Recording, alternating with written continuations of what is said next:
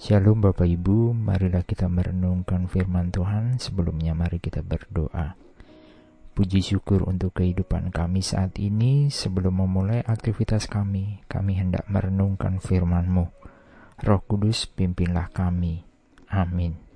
Bacaan saat ini diambil dari Yohanes 21 ayat 5 dan 6. Yohanes 21 ayat 5 dan 6. Kata Yesus kepada mereka, Hai anak-anak, adakah kamu mempunyai lauk pauk? Jawab mereka, Tidak ada. Maka kata Yesus kepada mereka, Tebarkanlah jalamu di sebelah kanan perahu, maka akan kamu peroleh. Lalu mereka menebarkannya dan mereka tidak dapat menariknya lagi karena banyaknya ikan. Yohanes pasal 21 ini adalah kisah Yesus menampakkan diri kepada murid-muridnya di pantai Danau Tiberias. Kisah penampakan diri Tuhan Yesus ini adalah penampakan yang ketiga setelah penyalipan. Penampakan yang pertama adalah di depan murid-muridnya. Pada saat itu tidak ada Thomas. Dan penampakan kedua saat Tuhan Yesus menjawab ketidakpercayaan Thomas dengan menunjukkan lubang paku di tangannya. Dalam bagian Yohanes pasal 21 ini dikisahkan bagaimana Tuhan memberi perintah dan mencukupkan kebutuhan mereka melalui hasil tangkapan berupa ikan dan kemudian mereka nikmati bersama-sama.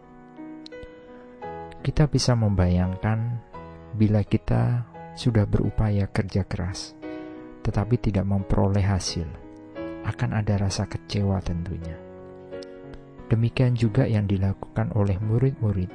Semalaman hingga siang, mereka tidak memperoleh apa-apa dari mencari ikan. Kemudian, ada seseorang yang sebelumnya mereka tidak kenal, memerintah untuk menebarkan jala, dan mereka mentaatinya, maka diperoleh banyak ikan. Bagaimana tangkapan itu bisa diperoleh? Yang dilakukan murid-murid pada saat itu adalah satu: mereka ada ketaatan.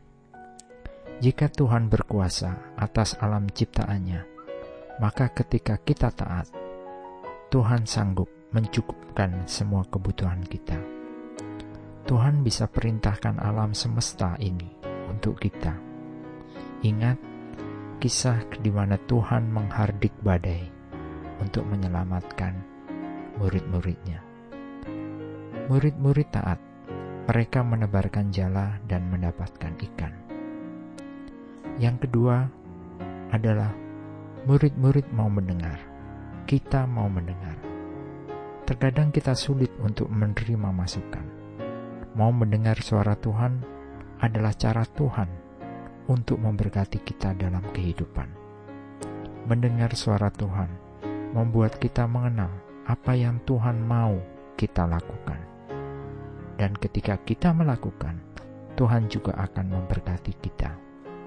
Sekali lagi, murid-murid mau mendengar dan menebarkan jala di sebelah kanan perahu.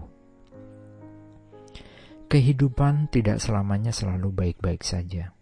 Ada saatnya juga Tuhan ajarkan kita berupaya semalaman untuk mencari ikan, dan mungkin kita tidak akan mendapatkan.